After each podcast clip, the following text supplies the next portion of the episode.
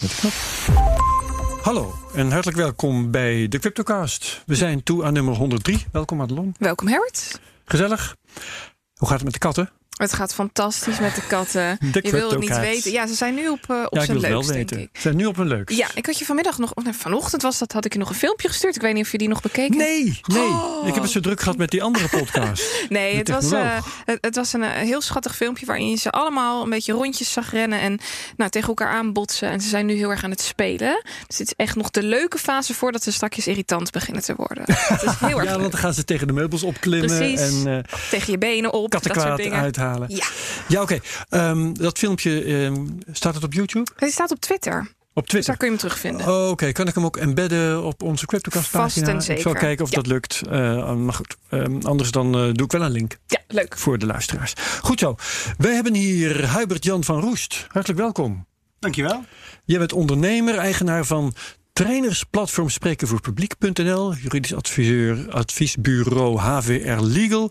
En bent acht jaar lang actief geweest als- advocaat. Klopt helemaal. Zo, we hebben een advocaat hier zitten. Maar ehm, je bent een liefhebber van non-fungible tokens. En daar gaan we het over hebben vandaag. Ja, dat zeker. Vertel in het kort wat non-fungible tokens zijn. Eh, ja, non-fungible tokens zijn eh, niet uitwisselbare tokens. Dat is eigenlijk wat het is. Ehm, dus een token is een muntje. eh, waarvan je er heel veel dezelfde kunt hebben. Een non-fungible token is een unieke eh, token. Wil ik straks eh, alles over weten. Ehm, eerst even, wij doen geen beleggingsadvies. Nee, nooit. Wij zijn op YouTube. We zitten hier weer voor een camera. Dus dat is hartstikke leuk. En wat betreft onze herdenkingscoin, ik denk dat we daar bijna genoeg over hebben gezegd. Ik wil eigenlijk alleen ehm, mensen oproepen om even te vertellen of het gelukt is met dat ding. Ja, via die lobster. eh, ja, Lobster, eh, precies. Of iedereen aan zijn, eh, zijn token gekomen is, Ja. een herdenkingscoin. Zo niet hoe het mis is gegaan, maar als het wel goed is gegaan, dan horen we dat ook graag. Dan hebben we tenminste een beetje feedback. Oké. Ik denk dat eh, we gewoon door moeten knallen naar de prijsanalyse, want het is een, echt wel een turbulente week geweest. Ja, er zit heel veel volatiliteit in de markt. En eh, van de week heb ik toevallig eventjes op Google Trends gekeken hoe het nou eigenlijk zit met de zoektermen op het woord Bitcoin of Ja. op het woord halving. En eigenlijk valt het me nog reuze mee. Als je kijkt naar hoe hoog de, de, de zoekacties waren toen de koers van Bitcoin hoog stond, dan zouden we nu eigenlijk rond een, een dollar of drie, vierduizend, misschien vijfduizend moeten hangen in verhouding met eh, wat we de afgelopen periodes gezien hebben. Zoekacties. Maar die koers die staat dus ontzettend hoog naar verhouding. Rond de, rond de 10.000 dollar bungelen we nu, zitten op eh 9.570 dollar. En het is vandaag donderdag 20 februari. En ehm, het is wel heel erg grappig om te zien dat er behoorlijk wat volatiliteit in de markt zit. We hebben wat grote bewegingen gezien de afgelopen tijd. En ik heb een klein beetje het vermoeden dat het vooral grote partijen zijn die deze bewegingen veroorzaken.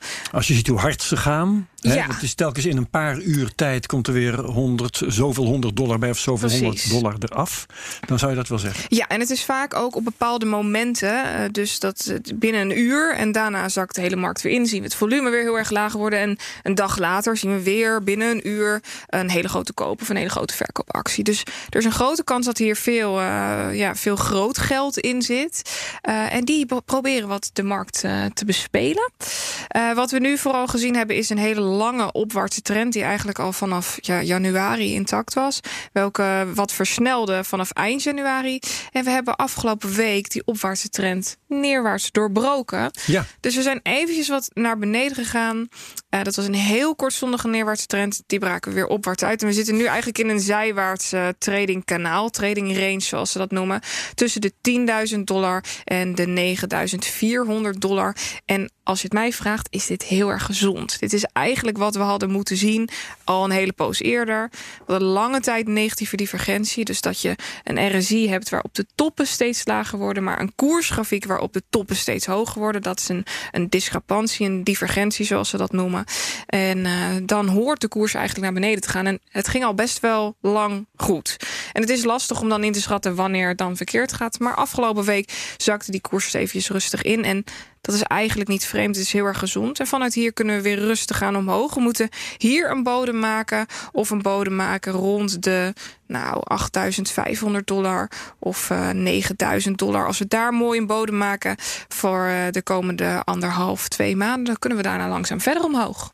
Ah, dus uh, wat dat betreft voorspel jij, nou ja, je verwacht, hoe moet ik het zeggen, een zekere stagnatie voor een maandje of twee. Ja, ik hoop dat de koers nu voorlopig gewoon wat zijwaarts gaat en dat we daarna weer rustig aan omhoog kunnen. Als de koers nu alweer zo fors omhoog gaat, dan is dat wel weer reden tot nieuwe paniek. Iets wat heel erg hard omhoog gaat, komt ook weer heel erg hard naar beneden. Ja, en een maand of twee, dan zit ik even te rekenen.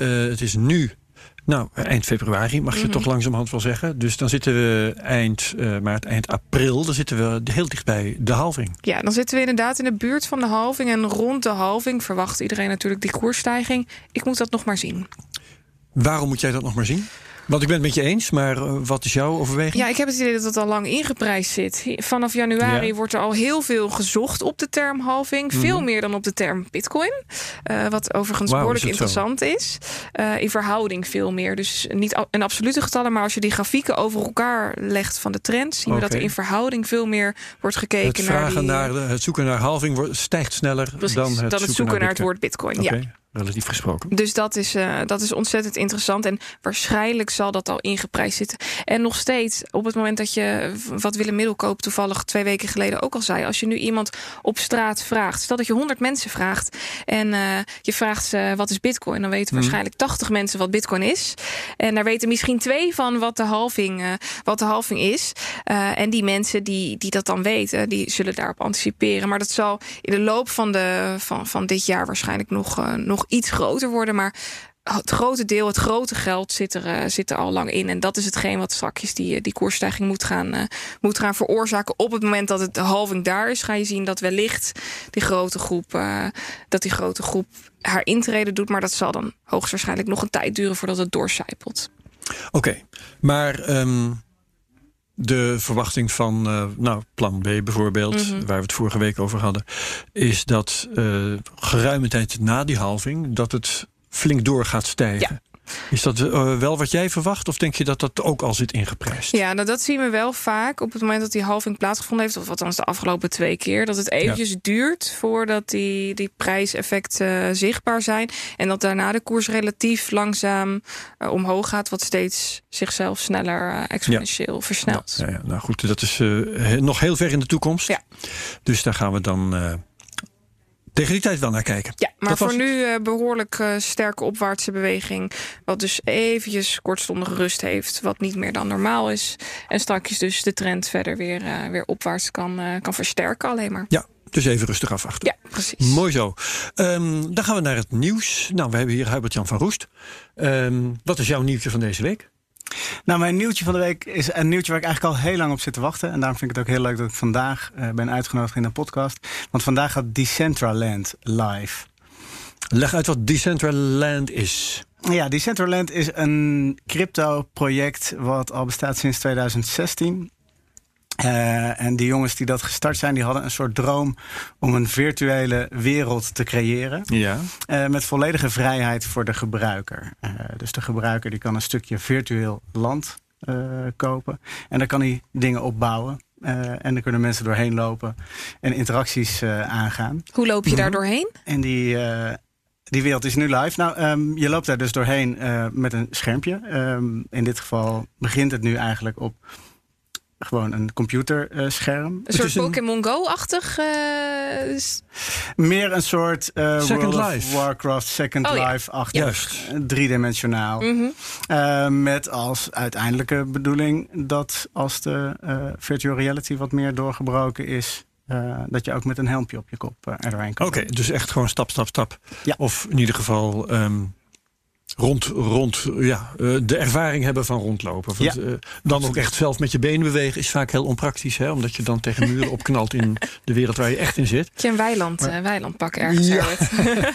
dat zou dan kunnen. Goed, um, maar even voor mijn beeld. je kunt dan daar land claimen, kopen. Hoe werkt dat precies? Ja, um, nou een, een land, een stukje land is dus eigenlijk een non-fungible token. Dus um, het recht om coördinaat uh, eh, 0 tot 1 uh, eh, verticaal en 0 tot 1 horizontaal te bebouwen. Mm -hmm. Dat recht is vastgelegd in een, een cryptografisch uh, token okay. op de Ethereum blockchain. Juist. Dus, maar dat wordt dan dus wel kopen. Dat is dan waarschijnlijk toch iets wat, je, wat geld waard is of, of geld waard gaat worden. Ja, dat wordt, op dit moment wordt dat verhandeld uh, tegen Ethereum uh, bijvoorbeeld. Ja, oké. Ja, ja, ja. Dus het is een en soort. dat is nu. Ja, ja oké, vraag maar. dus het is een soort World of Warcraft, maar dan gekoppeld aan non-fungible tokens. Uh, ja, een non-fungible token is eigenlijk de techniek die nodig is om dit soort dingen uh, mogelijk te maken. Oké. Dus dan denk ik dat het een goed idee is om het hier even bij te laten. Want ja, dan gaan, gaan we, we zo uit, verder op in. Anders zijn we zo voor het weten een half uur verder. Ja. ja. en dat willen we niet. Nee.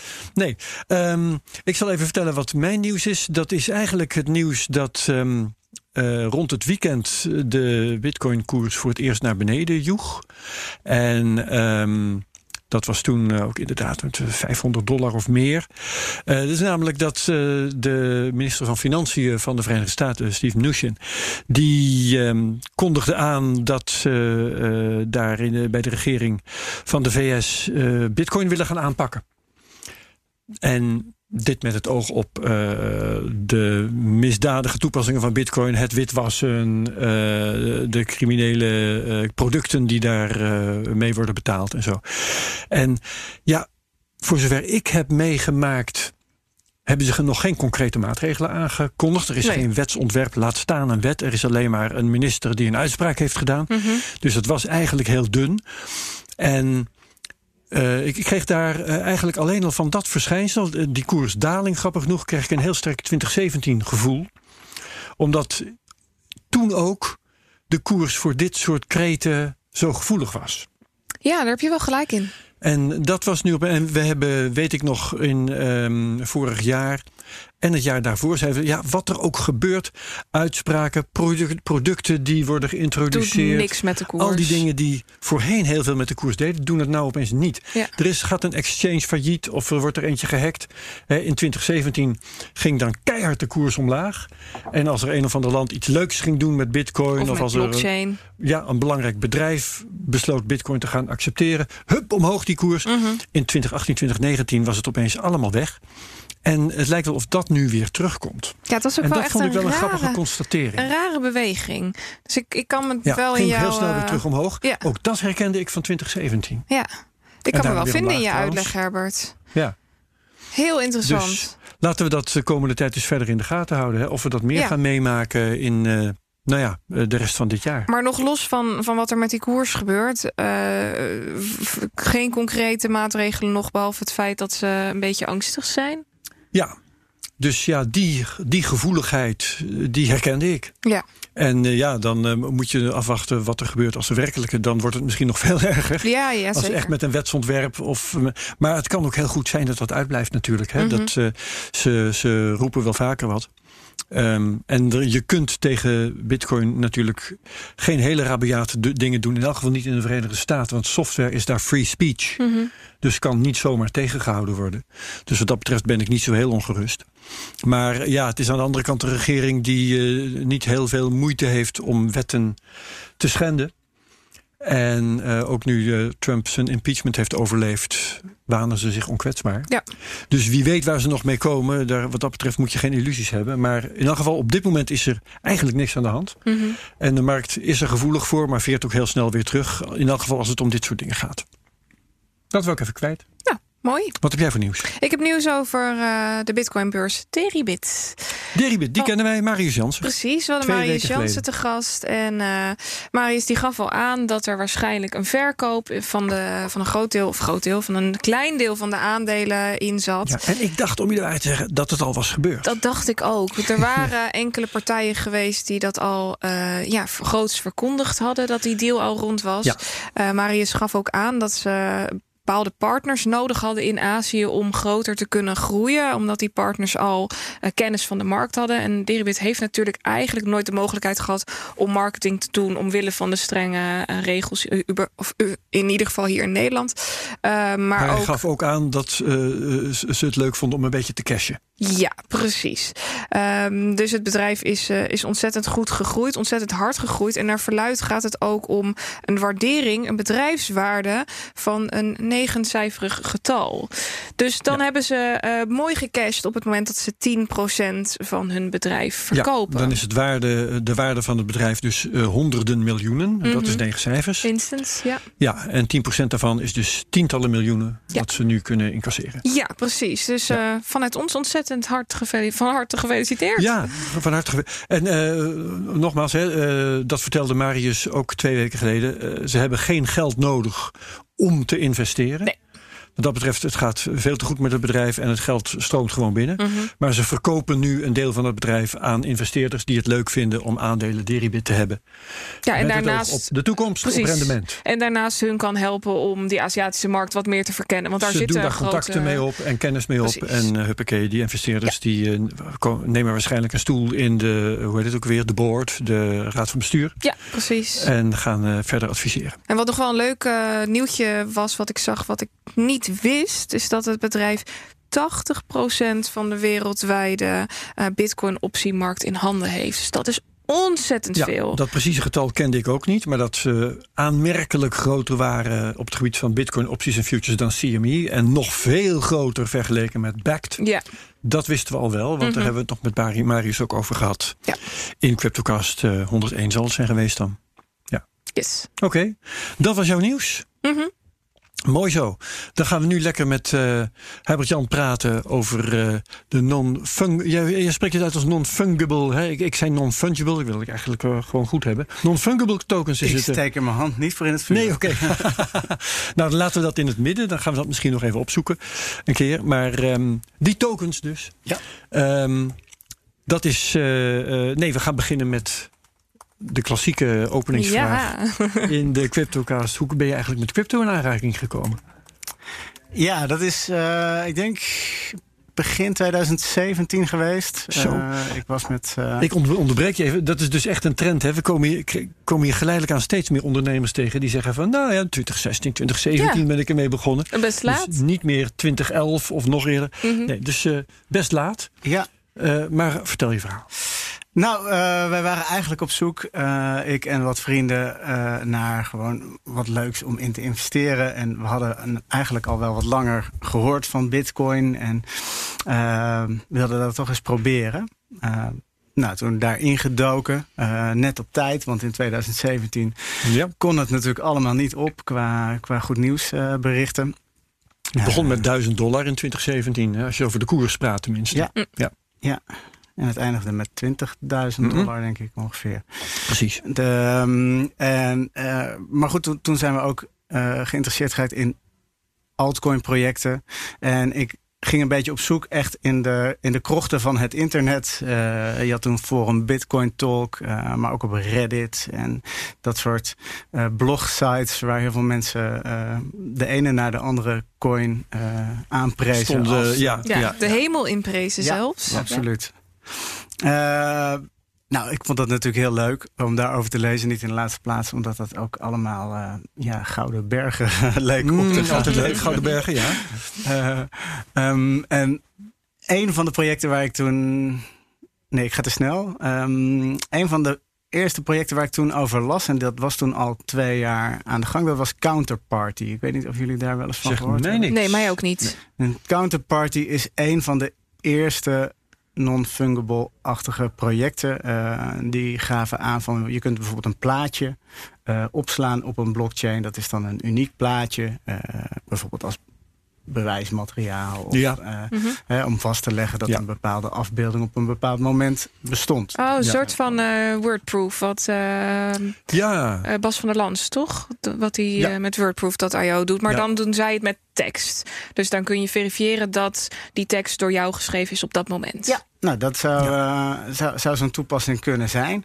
En uh, het leuke van Counterparty was toen dat het internet ermee aan de haal ging. Uh, en kwamen met allerlei zeldzame tekeningetjes. De meest rare tekeningetjes. daar, werd, daar werd in gehandeld. En nou, dat zou het internet gaan, gaan veroveren. Ik las dat in 2016. Dus toen was dat eigenlijk al een beetje over, die hype. Maar ik dacht toen wel van ja, dit is wel een een use case uh, die, die heel interessant is. Ja. Um, ik heb vroeger voetbalplaatjes gespaard. ik herken dat. Ik heb, voor mij waren het geen voetbalplaatjes. Maar in elk geval, ik heb ook van die dingen gespaard. Ja, inderdaad. En, en eh, jij ziet dat als een soortgelijk ding. Ja, ik zie dat als een soort gelijk ding. En, eh, of tenminste, dat is een, een van de toepassingen. Kijk, omdat het uniek is, het, eh, eh, zo'n token heeft vaak een nummer. Ehm, dus dan, doordat het uniek is, kun je het bijvoorbeeld verzamelen. Of je kunt er spelletjes mee spelen. 52 speelkaarten Ja. zijn allemaal uniek. En daarom kun je de spelletjes eh, meespelen. Dus de toepassingen daarvan die zijn ontzettend interessant. ja.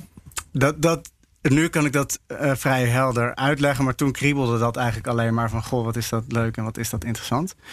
Ik ben toen in aanraking gekomen met Decentraland. Eh, daar ben ik over gaan lezen, maar daar ben ik ook een beetje eh, in de community gezogen. Want zoals je vertelde, 2016, toen was dat al in aanbouw.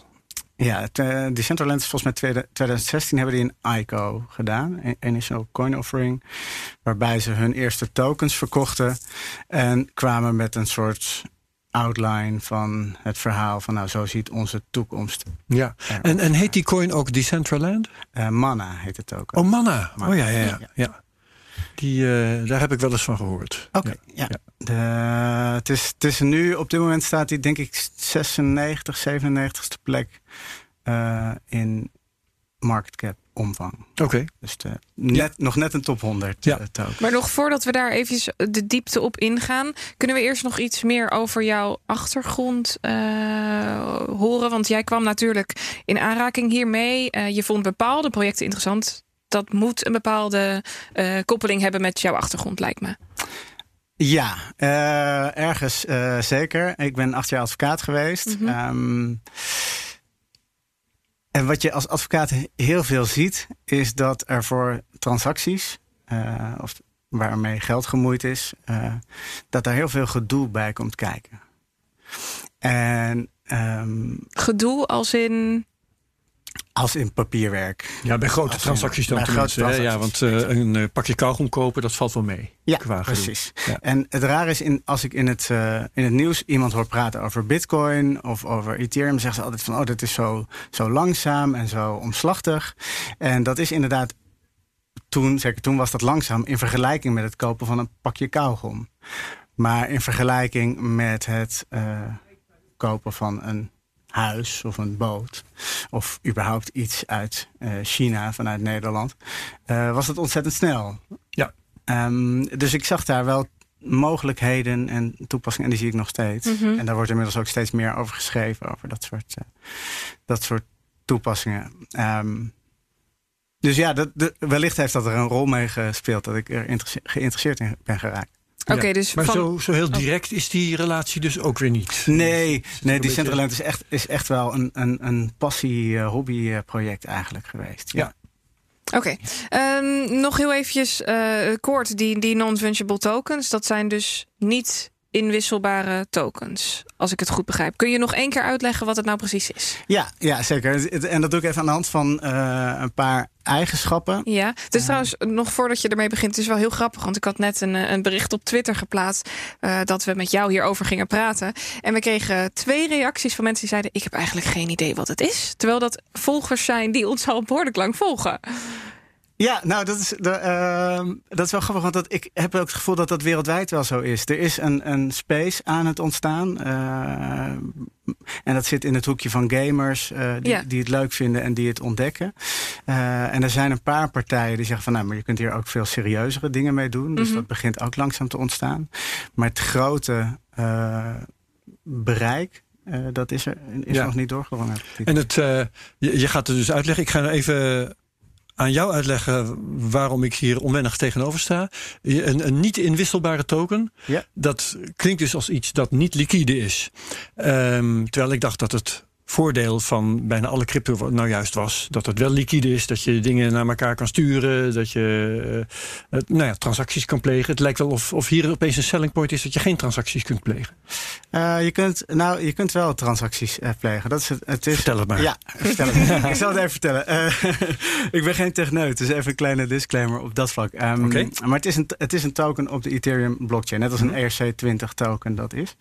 Eh, de meest gebruikte standaard op dit moment voor non non-fungible tokens is de ERC 721 standaard.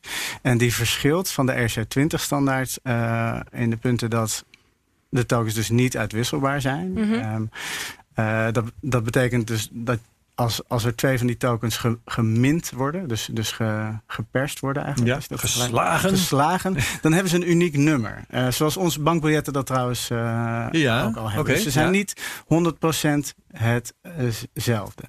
Um, uh, dat is één ding. Ze zijn dus uniek, dus je kunt er ook unieke eigenschappen aangeven. Het is, het is code. Oh, Oké, op die manier niet. Ze, want, want niet inwisselbaar, niet uitwisselbaar, dat klinkt alsof, je ze niet, uh, alsof ik er niet één aan jou kan geven en daar iets voor terug kan krijgen. Maar dat is het niet. Ja. Ze zijn niet uh, verwisselbaar in de zin van uh, dat je de een niet... Uh, Dezelfde terug kan krijgen. Ja, Eén bitcoin is één bitcoin. Dat ja. is het dus niet. Je, je, kunt ze herkennen. Dat is eigenlijk waar ja, het om dat gaat. Is, dat is misschien een betere... Ja, de, de, uitwisselbaar is een beetje de vertaling van... ja, van het zijn her, herkenbare coins. Nou goed, oké. Okay. Ga verder met de zaak. De, je zou de vergelijking kunnen maken ook met, met bijvoorbeeld zand of melk. Zeg maar, wat, wat, hè, de, wat een soort commodities zijn. als ik een kilo zand wil hebben, maakt het me eigenlijk niet zoveel uit welk zand dat is uitzonderingen daar gelaten. Mm -hmm. Ja, oké. Okay. Uh, terwijl als ik uh, een kunstwerk wil hebben, uh, dan is, maakt het me wel ja, degelijk uit. Ja, inderdaad. Elk pak melk is nou ja, voor jou en mij is, maakt het niet uit. Het is hetzelfde. Ja. Maar een beeld ja. van Michelangelo of van iemand anders, dat maakt wel uit. Maakt, en zelfs al zou de, de de kopie verder volledig identiek zijn. Of je de echte hebt of een identieke kopie, ja. is een wereld van verschil. Ja. Uh, dus dat is eigenlijk de belangrijkste eigenschap. Um, de ERC 721 standaard is ook ondeelbaar. Uh, dus waar je een bitcoin kunt opdelen in satoshis. Mm -hmm. En dus ook een, iemand een halve bitcoin kunt sturen. Kun je niet een halve non-fungible uh, token Oké, okay. sturen. Oké, dat is ook interessant. Um, ja, mooi. Uh, en, en, en waar leidt dat dan toe? Want uh, je kunt tokens hebben en zo, maar ik begrijp dus dat ze onder andere een rol spelen in bepaalde games. Nou ja, dat Decentraland met zijn land. Ja. daar speelt het ook een rol in. Vertel daar meer over. Ja, nou wat, omdat je er dus unieke eigenschappen aan kunt geven, zijn het eigenlijk brokjes data entry. Mhm. Mm -hmm. dus bijvoorbeeld ons, ons paspoort of ons rijbewijs heeft ook unieke eigenschappen. Dat heeft een nummer, een naam, een datum van uitgifte. Al die eigenschappen tezamen maken dat het de status heeft die het, die het heeft. Mhm. Mm -hmm. Dus als er in het register staat dat je een rijbewijs hebt, dan kun je dat gebruiken. Nou, dus eigenlijk alle. Um, hoe moet ik het zeggen? Alle zaken waar, waarbij je een combinatie wilt maken van eigenschappen, mm -hmm. uh, daar kun je zo'n non-fungible token uh, heel goed voor gebruiken. En de toepassing die we nu het meeste zien, dat is gewoon de eerste toepassing die, die een beetje voorop loopt, is echt gaming. En dan moet je bijvoorbeeld denken aan uh, kaartspelletjes. Waarbij je dan een kaart hebt die bepaalde eigenschappen heeft. bijvoorbeeld ja, zo, zoveel aanvalspunten en zoveel verdedigingspunten. Dat soort eigenschappen worden dan meegegeven aan zo'n token. Zou je een paspoort ook uh, kunnen zien als non-fungible token? Waarbij ik mijn paspoort niet kan uitwisselen aan jou, maar het heeft wel allerlei punten waarom het een paspoort zou zijn, waarom ik het mag gebruiken als mijn paspoort. Kan ik dat zo een beetje zien, maar dan online? Ja, zo zou je dat, uh, zo zou je dat uh, kunnen zien. Dus jou, uh, echt een, stuk, een brokje informatie die jou toegang geeft tot, mm -hmm. tot, tot iets. Dus ik zie ook wel, kijk, een paspoort is natuurlijk een heel gevoelig onderwerp. Dus dat zal nog jaren duren. Daar moeten nog heel veel andere stappen genomen worden voordat mm -hmm. we daar zijn. Maar je kunt het inderdaad zo, zo, zo zien. En je hebt het nu over gaming als voorbeeld. ik kan me indenken dat jij vanuit jouw beroep als advocaat hier wellicht ook ehm, mogelijkheden in ziet met zo'n non-fungible token. Heb je daar ook voorbeelden van? Ja, um, nou, de, uh, het meest makkelijke voorbeeld is eigendom. Uh, Mm -hmm. uh, want onze eigendom is vaak geregistreerd van een object. Uh, bijvoorbeeld een auto. De eigendom van een auto is geregistreerd bij de RDW. Ja. Op het moment dat ik uh, die auto van Herbert zou kopen, dan gaan we samen naar een, een boekhandel. Dan wordt dat overgeschreven, dat brokje data. En dan is de auto van mij. Of in ieder geval dat brokje data bewijst. Uh, of daar kan ik dat mee ja. bewijzen. Uh, dat soort toepassingen, dus echt uh, eigendomsbewijzen. daar zie ik echt een, een, een groot grote use case. Mhm. Nike heeft net al een patent aangevraagd om bij sportschoenen die ze verkopen eh, non-fungible Mm. tokens te gaan verstrekken. En hoe, hoe moet je dat dan voor je zien? Daar, eh, er is een enorme eh, markt voor unieke en zeldzame sportschoenen. Ah, en dat is dan een echtheidsmerk. Dat is een echtheidsmerk. Dus dan kun je aantonen dat jij de sportschoenen hebt Mhm. gekocht. En dat ze daadwerkelijk dat de hele trail of ownership, die heel belangrijk is, die ook vaak bij auto's belangrijk is, maar zelf ook bij, bij collectible items, eh, zoals, zoals ehm, honkbalkaartjes of sportschoenen, is die, die trace of ownership, als je die, als je die, eh, of die trail of ownership, als je die goed kan aantonen, eh, dan, dan is iets geld waard. We Ja. hebben hier, Herbert, een keer eh, gezeten met een ehm, man die ontzettend veel wist over gaming en blockchain. Een combinatie daarvan. Kun jij zijn naam nog achterhalen? Hij had een best wel moeilijke naam. Ja, dat kan ik. Volgens mij was het Vlad Miku. Vlad Miku, inderdaad. En hij had het toen ook over het feit dat je in een game bijvoorbeeld een zwaard kon hebben. Ja. En als dat zwaard dan eerst van Pietertje was geweest, daarna van Kareltje en toen van eh, Justin Bieber, ik noem maar even een voorbeeld, dan had hij meer waarde. Eh, kan je dat met die non-fungible tokens hetzelfde, eh, kan je daarmee hetzelfde spoor achterhalen van wie de eigenaar is geweest van dat zwaard? Ja, je kan eh, in ieder geval, ehm, zeker op de Ethereum blockchain, dat is een pu- publieke blockchain. Eh, dan kan je van iedere non-fungible token kun je zien in welke wallet die heeft gezeten. Ehm, je zou vervolgens nog de informatie moeten hebben van wie eh, welke wallet is, om Ja. dat plaatje helemaal eh, compleet eh, te maken. Mhm. Maar dat kun je in ieder geval zien van welke, welke oversteekjes die heeft gemaakt. En kunnen die tokens in, in alle verschillende soorten wallets terechtkomen? Een, een non-fungible token wat is uitgegeven op de Ethereum blockchain, Mhm. dat kan in principe op dit moment in een Ethereum wallet worden opgeslagen. Ja. Er zijn wel wat partijen, maar de- de- ja, ik ben niet eh, zo thuis in de techniek, maar ik weet dat er wel wat partijen bezig zijn om, om wat dwarsverbanden aan te leggen tussen verschillende blockchains. Mhm. Eh, of dat vervolgens ook als gevolg heeft dat je die non-fungible tokens in verschillende wallets zou kunnen opslaan, dat durf Je hebt het nu over atomic swaps, eh, dat soort dingen. Ja, dat soort kreten. Maar ik ben daar niet, eh niet Ja, enorm bij gebrek aan technologische achtergrond. Ja, dus- Vlad dus- was trouwens 5 juli 2018. Oké, ik ga nu de kijken of ik hem hierboven in het schermpje zo eventjes voorbij kan laten komen. Ja, en anders zetten we hem wel in de show notes. Ja, precies. Dat kan ook nog altijd. Precies. Dus dat. Ehm, ja, nou eens even kijken. Waar waren we gebleven? Ehm, jij eh, houdt je hier dus nu mee bezig. Eh, nou eventjes ehm, helder krijgen wat jij nou precies als ondernemer op dit gebied doet. Ja, eh, dat is, als ondernemer doe ik niet eh, heel veel op eh, dit gebied. Mijn, mijn onder- als ondernemer heb ik Spreken voor Publiek.nl. Dat is een platform ja. waarmee ik mensen train in het Spreken voor Publiek. En ik heb ook iemand getraind voor deze podcast. ja. En die heeft gezegd van, goh, misschien, jij bent zo bezig met die non-fungible tokens. Misschien moet jij daar zelf eens een keer gaan zitten. ja, ja, het is gewoon je deskundigheid die hier komt ja absoluut. ventileren. Ja, oké. Nou heb ik wel Prima. één dingetje, dat is misschien wel leuk om te vertellen. Op het moment dat ik in aanraking kwam met Decentraland, dat is dus eh, een jaar of, nou wat zou het zijn, dik, dik twee jaar geleden. Ik geloof dat ik in 2017 ben ik decentralanddaily.com begonnen. Oké. En dat was een krantje eh, waarin ik in de community mensen begon te interviewen van als deze digitale wereld er straks is, Ja. wat ga jij eh, daar dan in bouwen? Wat ga jij daar dan in doen? En daar heb ik Dat is leuk. interessante mensen gesproken.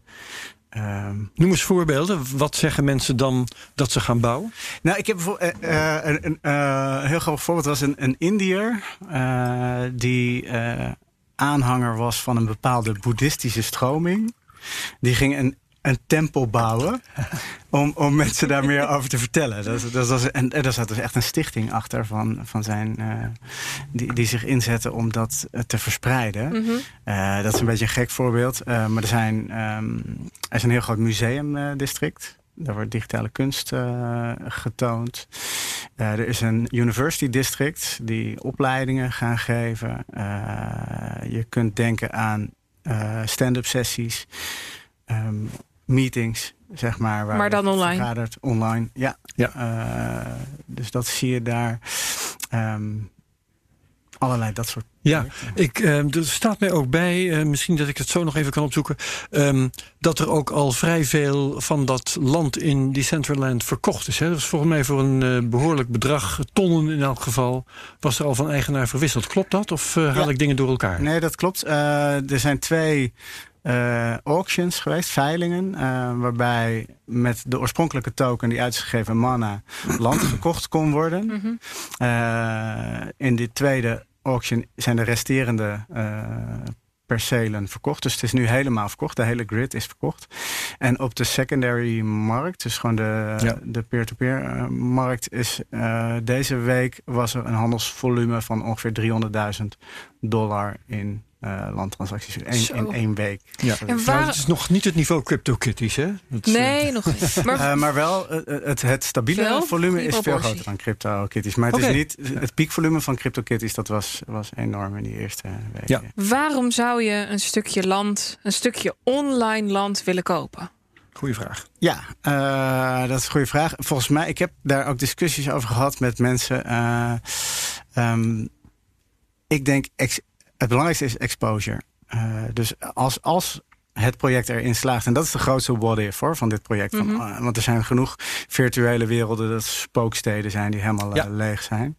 Uh, maar als het project erin slaagt om een leuke gebruikersbasis te trekken, dan kan het zomaar zijn als je een landje hebt op een goede positie, dat daar duizenden mensen per dag overheen lopen. dan zou je daar een spelletje neer kunnen zetten, wat ze kunnen spelen voor een dubbeltje. Uh, je zou daar een reclamebord neer kunnen zetten. Uh, je zou daar een museumpje neer kunnen zetten. Waarvoor dus het is een soort van business case online. Ja. Dus het betekent als jij land hebt waar veel mensen komen kijken, dan kun je daar geld mee verdienen. Ja. ja. En nog even voor mijn beeldvorming, is dit dan ook een voorbeeld voor de echte wereld? Kun je straks zeggen, omdat we die non-fungible tokens hebben gebruikt in deze online Second Life-ish uh, situatie, kunnen we dit dan ook straks gaan toepassen bij land hier in Amsterdam en omstreken? Of bij huizen of bij het aanschaffen van auto's? Ja, ik denk, ik denk dat het makkelijker is nu om uh, crypto is natuurlijk naar zijn aard digitaal. Dus het is makkelijker om eerst toepassingen te testen in ook daadwerkelijk een digitale Precies. omgeving. Mm -hmm. uh, um, maar ik kan mij heel goed voorstellen dat een, uh, een kadaster. Uh, of dat een. En dan heb, dat zijn hele serieuze toepassingen. Maar ja. dat er misschien in eerste instantie minder serieuze real-life toepassingen hierop gaan letten. En gaan kijken van hé, hey, hoe kunnen we iets in stemming. Want de hele stemming bijvoorbeeld, uh, over, over bepaalde onderwerpen. Je hebt het over uh, stemmen als in verkiezingen. Ja. Ja. In het, en, besluitvorming. Besluitvorming, ja. Dus dan moet je bij een, een, een, een verkiezing bijvoorbeeld denken van ja, wat is de, uh, de, de standaard snelheid waarmee uh, deze poppetjes zich voortbewegen. Dat soort beslissingen worden. Het, het, het hele uh, universum wordt langzaam overgedragen naar volledig community control. Oké, okay, dus uh, de mensen die deelnemen, die kunnen daar gezamenlijk over beslissen. Ja. Over dat soort technische eigenschappen. Ja, ja, ja. Oké, okay, dat is grappig. En ik had wat dat betreft nog wel meer vragen over hoe werkt het nou? Hè? Want jij zegt, uh, je kunt land hebben en daar, uh, als je land hebt waar mensen, waar veel mensen overheen lopen, dan kun je daar wat mee. Dat begrijp ik heel goed. Maar hoe zit het daar in elkaar? Is het, bij wijze van spreken, een vierkant? Of is het rond? Is het of wat, wat, is de, ja, wat is, wat is de topografie eigenlijk? Dat is een goede vraag. Het is een vierkant. Uh, het vierkant is, uh, even kijken, op de x-as 150 percelen omhoog en 150 percelen uh, omlaag. Dus hij is 300 mm -hmm. bij 300. Ja. En een vierkant, perce die perceeltjes die zijn vierkant en die zijn het digitale equivalent van 16 bij 16 ja. vierkante meter. Dat is hoe het overkomt als je er op uh, rondloopt. En dan herinner ik me van Second Life. Uh, dat had een landkaart. Ja. En uh, landschap ook, hè, dus hoog of laag. En uh, op verschillende plekken stonden gebouwen. Je kon ook zelf gebouwen maken. Dat had allerlei features. Hoe zit dat bij Decentraland? Uh, heeft dat ook een vast landschap? Nee, nou dat is het grappige. Het, is dus um, het, het, team heeft een, een builder uh, online gezet waarmee je dus dingen kan bouwen. Ja. Uh, maar in principe is het uh, vrij open allemaal. Dus als iemand een eigen tooling daarvoor wil bouwen om om daar iets aan die wereld toe te voegen, Ja. dan zou dat kunnen. Dus hoe dat eruit gaat zien, eh, dat is eigenlijk een heel groot vraagteken. Goed. Dat, is het leuk, dat vind ik heel erg leuk aan dit experiment. Ja hoor.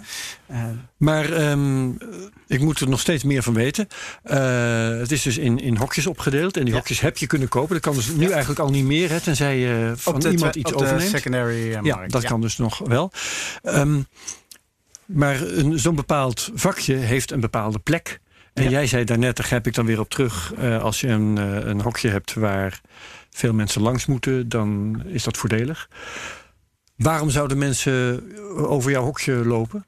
Eh, Ja. bedoel, wat voor reden hebben ze, hebben ze überhaupt om zich te verplaatsen? Nou, dat is wel grappig, want daar werd heel erg in de aanloop naar eh, de start van het project heel erg over gespeculeerd. Ja. Er werd bijvoorbeeld gedacht van, nou, het, het zal wel zo zijn dat een nieuwe speler eh, die het, het start, zeg maar, dat die eh, op het midden van de kaart eh, Wordt wordt geparachuteerd. ge- geparachuteerd. ja, precies. Maar ja, dat is dan toch Dus ook al dan- eigendom van iemand? Dat is, ehm, Of niet? er zijn bepaalde plekken, dus er zijn bepaalde weggetjes en bepaalde eh, pleintjes, zeg maar, die zijn eh, eigendom van de startende organisatie. Oké, dus die zijn voor algemeen gebruik. Ja, die zijn van algemeen gebruik. Ja, oké. Ja. Maar dan nogmaals, hè, ehm, van eh, Second Life herinner ik me, de, ja, er was dan een, eh, noem eens wat, een, een concerthal, een universiteit. Ik verzin dit even hoor, maar Ja. in ieder geval, er waren plekken waar dingen gebeurden. En dan moest je heen. Eh, en dan kon je via de landkaart kun je inderdaad van A naar B. En eh, dan- kwam je inderdaad langs verschillende plekken. Maar je kon ook vliegen in Second Life. Ja.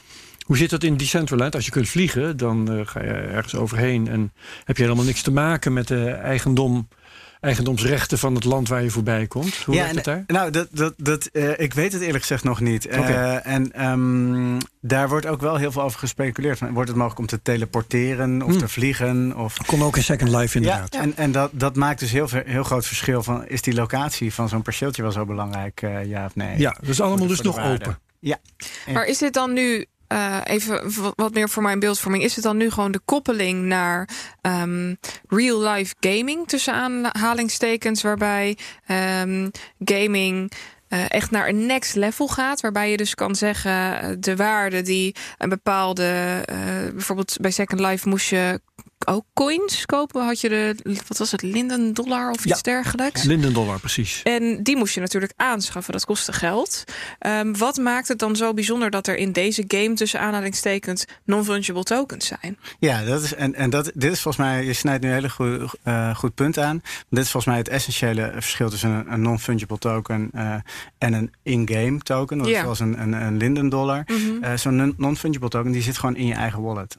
Eh, dus je kunt hem, ook al speel je het hele spel niet, of je, speel, eh, je bent gestopt met het spel, kun je die verhandelen. Er kunnen, mensen kunnen marktplaatsen oprichten waar die verhandeld kunnen worden. Je bent niet afhankelijk Van de game. developer en de, de game. Want in die spelletjes die je noemt, daar is vaak de supply van dat soort tokens is volledig onbekend. Ja. Eh, je kunt ze niet, buiten de game kun je ze niet gebruiken. Je kunt Bijvoorbeeld bij niet, World of Warcraft, die kon je verhandelen, maar Ja. Alleen- ja, Dat maar was ook gecentraliseerd. Ja, hè? precies. Linden dollar ook. Ja, en, en als je ze al verhandelt, dan was dat altijd buiten de regels om. Dus daar kon je dan eigenlijk voor geblokt worden. Dus Mhm. daar, eh, de, mm, het hele.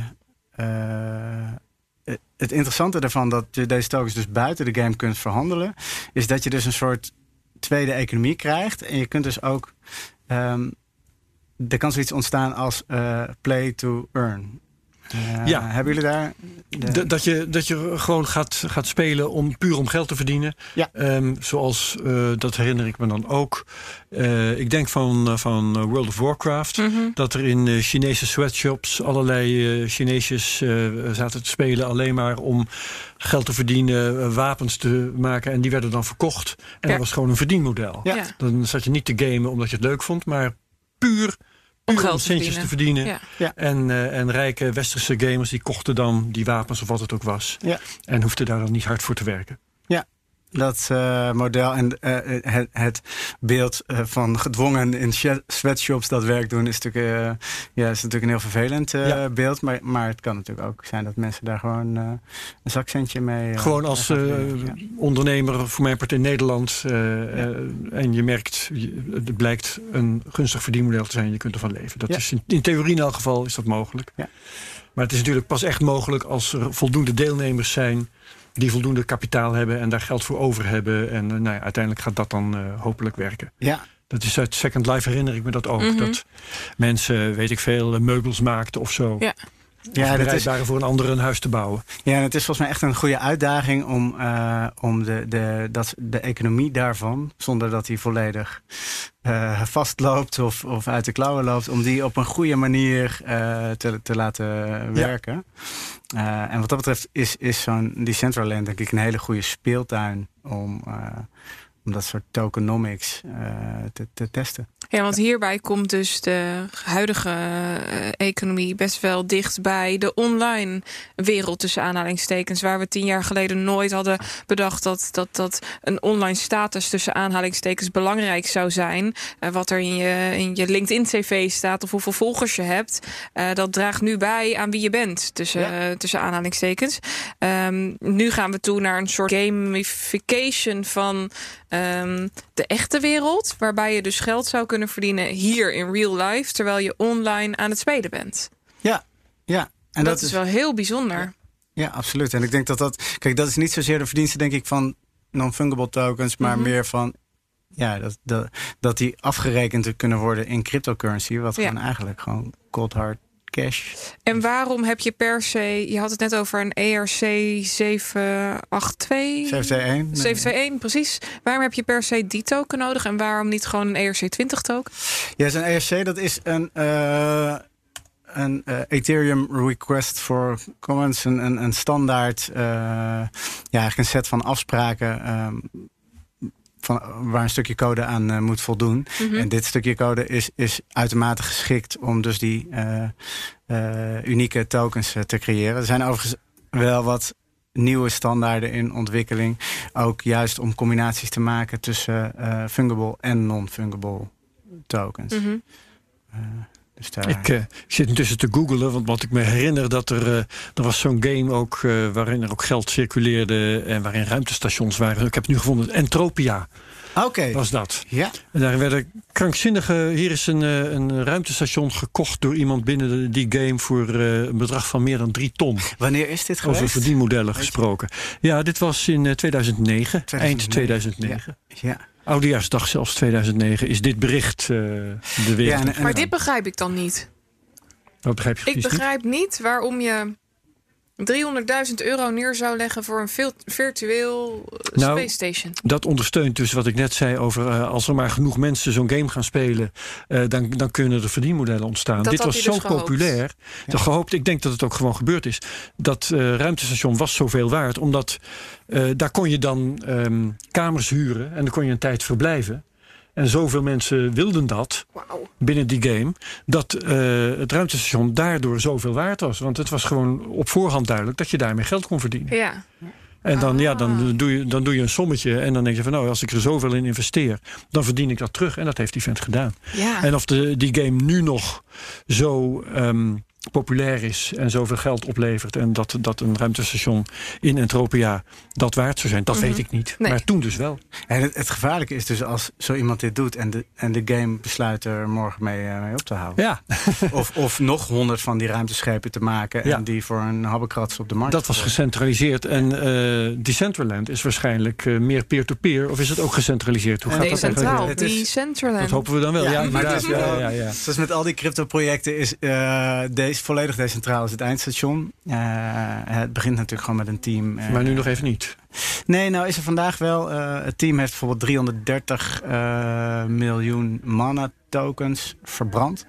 Geburnt. Dus in een burn contract gestort. Ik zeg 330 miljoen, maar ik pin me niet vast op dat aantal. Nee, maar hoeveel coins dat is, ja, de, hoeveel coins, dat, dat zegt niet zoveel. Het gaat er meer om welk deel van de voorraad hebben ze ja, verbrand. maar volgens mij een derde van de circulating eh, supply. Ja, dus wel echt eh, substantieel. eh, ja, ja. En, en wat ik me afvraag is, hoe groot is het netwerk? Want je kunt zeggen, het is gedecentraliseerd. Maar als het hele zaakje draait op twee computers over de hele wereld... dan is het in feite niet, niet gedecentraliseerd. Dus weet Nee. jij daar iets van? Nee, daar weet ik eh, in principe niets van. Maar volgens mij. eh, dat zal wel op te zoeken zijn. Maar... Ja, en ze hebben nu natuurlijk een eigen client, zeg maar, waarbinnen je die wereld kunt openen. Mhm. Volgens mij is het uiteindelijk wel de bedoeling dat daar ook gewoon verschillende clients voor gebouwd kunnen worden. Ja, lijkt mij ook. Dus je- Maar op dit moment, als je dat wilt spelen, dan, heb je, dan moet je de software downloaden en installeren. En nee, heb ik dat goed? in, in browser. In de browser? Ja. Oké, heel goed. Ik ben nog eventjes benieuwd hoor, want ehm, wie houdt hier eigenlijk toezicht op? Volgens mij helemaal niemand. is, Want hier vinden natuurlijk Geen, eh, bepaalde transacties plaats waarbij je in principe zou kunnen zeggen als iemand voor 300.000 euro zo'n space station eh, wil kopen, eh, dan is dat een behoorlijk grote transactie. En waar komt dat geld vandaan? En moet er dan KYC plaatsvinden? ja, nou is er in, in, in dat is bijvoorbeeld wat we net eh, ehm, speelden, zal er vast wel een, een, een login eh, of registratiesysteem zijn. Dus daar zal iets van KYC eh, achter zitten. Moet je je Ehm. paspoort daar verifiëren? Moet je laten zien waar je geld vandaan komt, bijvoorbeeld? Nee, nee, nee. Als je een wallet eh, hebt en een, eh, een avatar, dus dat is een, een naam Ja, en een, een poppetje. poppetje, Ja, ja, dan eh, kun je de wereld in. Ehm, ja, net zoals, kijk, het, het, het he- al die tokens, eh, en dan heb ik het bijvoorbeeld over eh, wearables of, of, of stukjes land. ehm, Ja, kleding. die, die zijn gewoon op de Ethereum blockchain uitgegeven. Dus op het moment dat je een Ethereum wallet hebt, waarvoor je ook geen KYC eh, nodig hebt, kun je daar gewoon in, eh, in Ja. handelen. Nou, je hebt wel KYC nodig in elk geval om eh nou, Ethereum te kopen bijvoorbeeld. Hè. Dat doe je dan bij, eh, nou, weet ik veel, een of andere wisselkantoor, de Bitonex van deze wereld. Ja. Dat in ieder geval wel. Maar eh, even kijken, ja, die, die wallet die heb je natuurlijk gewoon particulier. Mhm.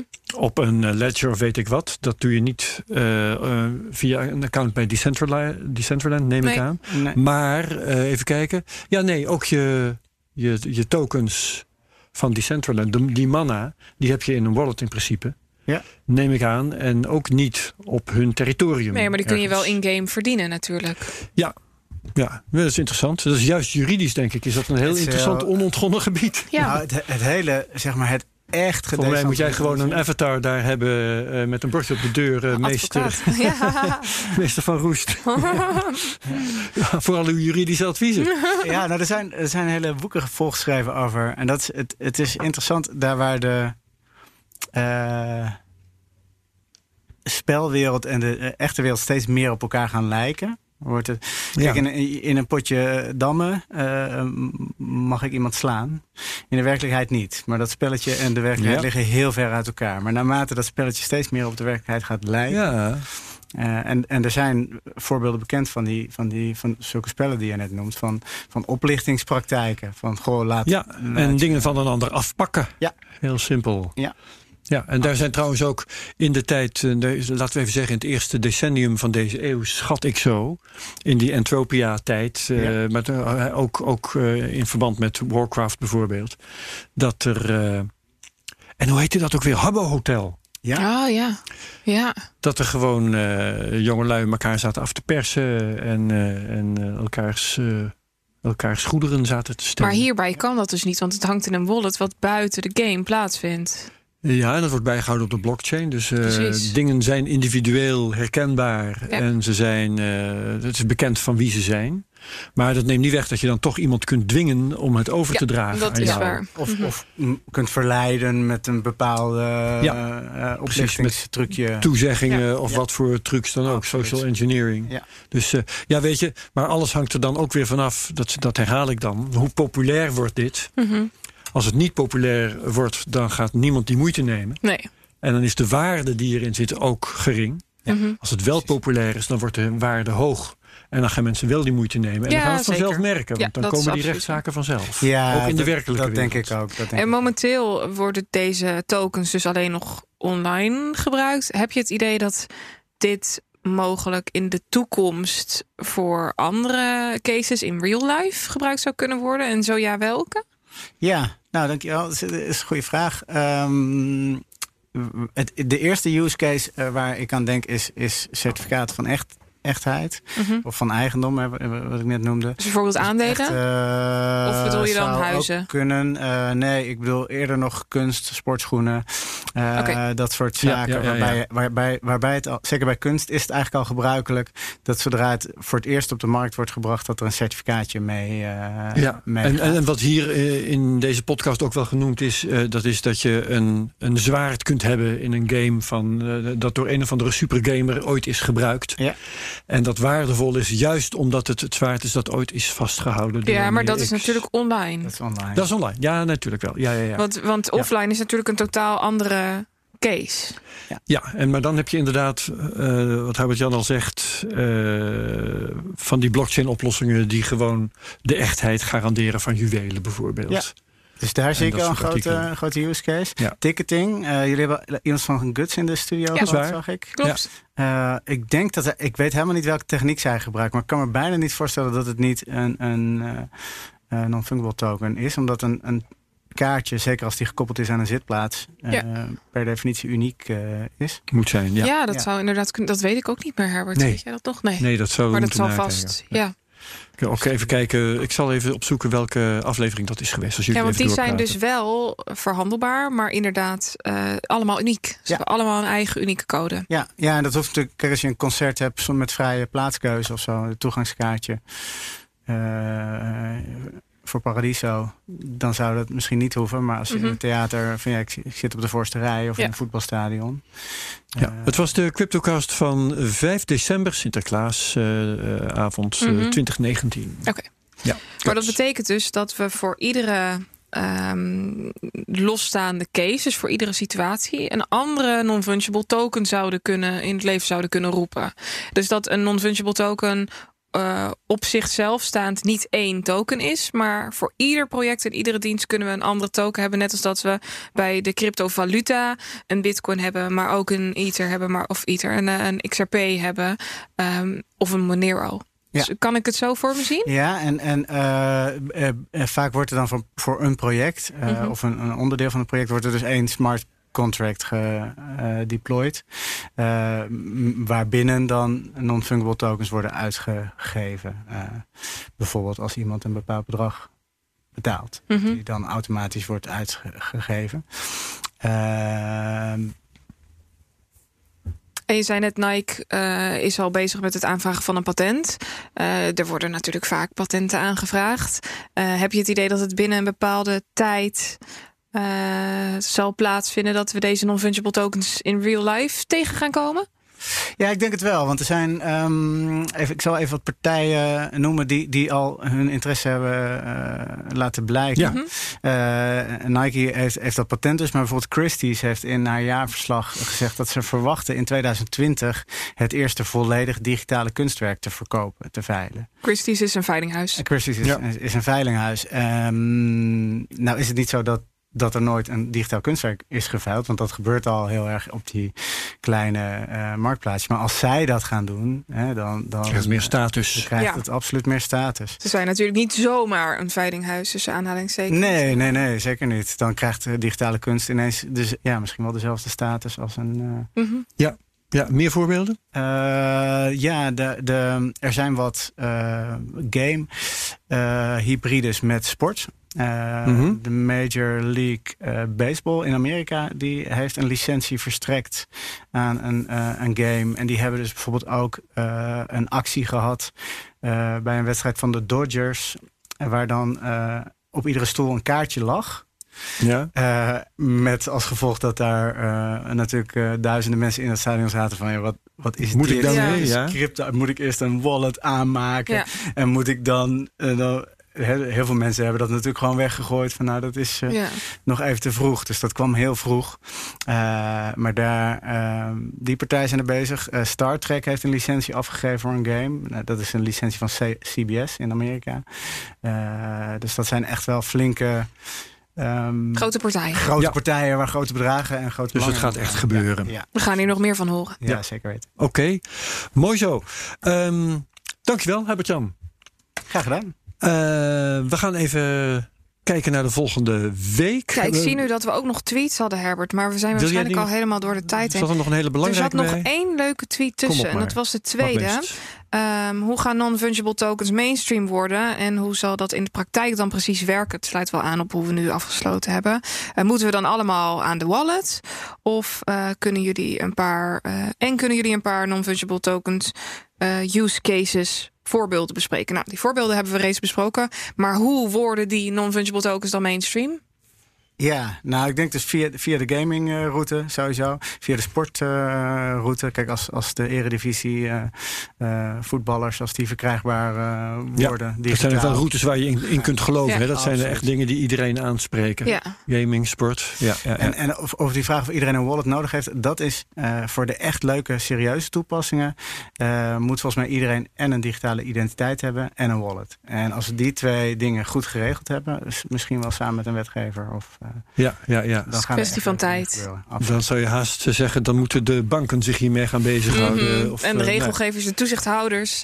Ja, ja, ja, ja. Dat Oké, er moet nog wel eventjes wat water voor naar de zee Ja, stromen. precies. Maar het begin is er. Met ehm Goed. Decentraland. Dankjewel, Hubert-Jan van Roest. Ehm, volgende week dan hebben we te maken met de heren van Lekker Cryptisch. Oh ja, natuurlijk. Wat gaan die doen? Wat leuk. Die gaan eh, ervoor zorgen dat eh, Bitcoin onderuit gehaald wordt. Eh, weet je nog, Herbert? Dat was onze vraag. gaat, wie kan ons uitleggen dat Bitcoin echt naar nul gaat? Ja, precies. Ja. En zij gaan ons daarbij helpen. Dus Zij gaan ons dat uitleggen. Nou, mooi, dan weten we dat eindelijk ook. Waarom Bitcoin naar nul gaat. Want iedereen weet dat Bitcoin naar nul gaat. Mhm. Oké, als je deze aflevering de moeite waard vond, of vindt, ehm, deel hem op Twitter met je volgers. En geef dan de handle CryptoCast.nl mee. Dan eh, merken wij het ook dat je dat gedaan hebt. Ja, en abonneer ook eventjes op ons eh, YouTube-kanaal. Dan krijg je volgende week Ja. weer een melding als eh CryptoCast klaar staat. CryptoCast.nl zijn we op YouTube. Yes.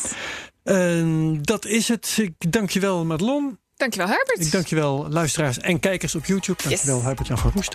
En tot de volgende keer. Dit was de CryptoCast. Dag.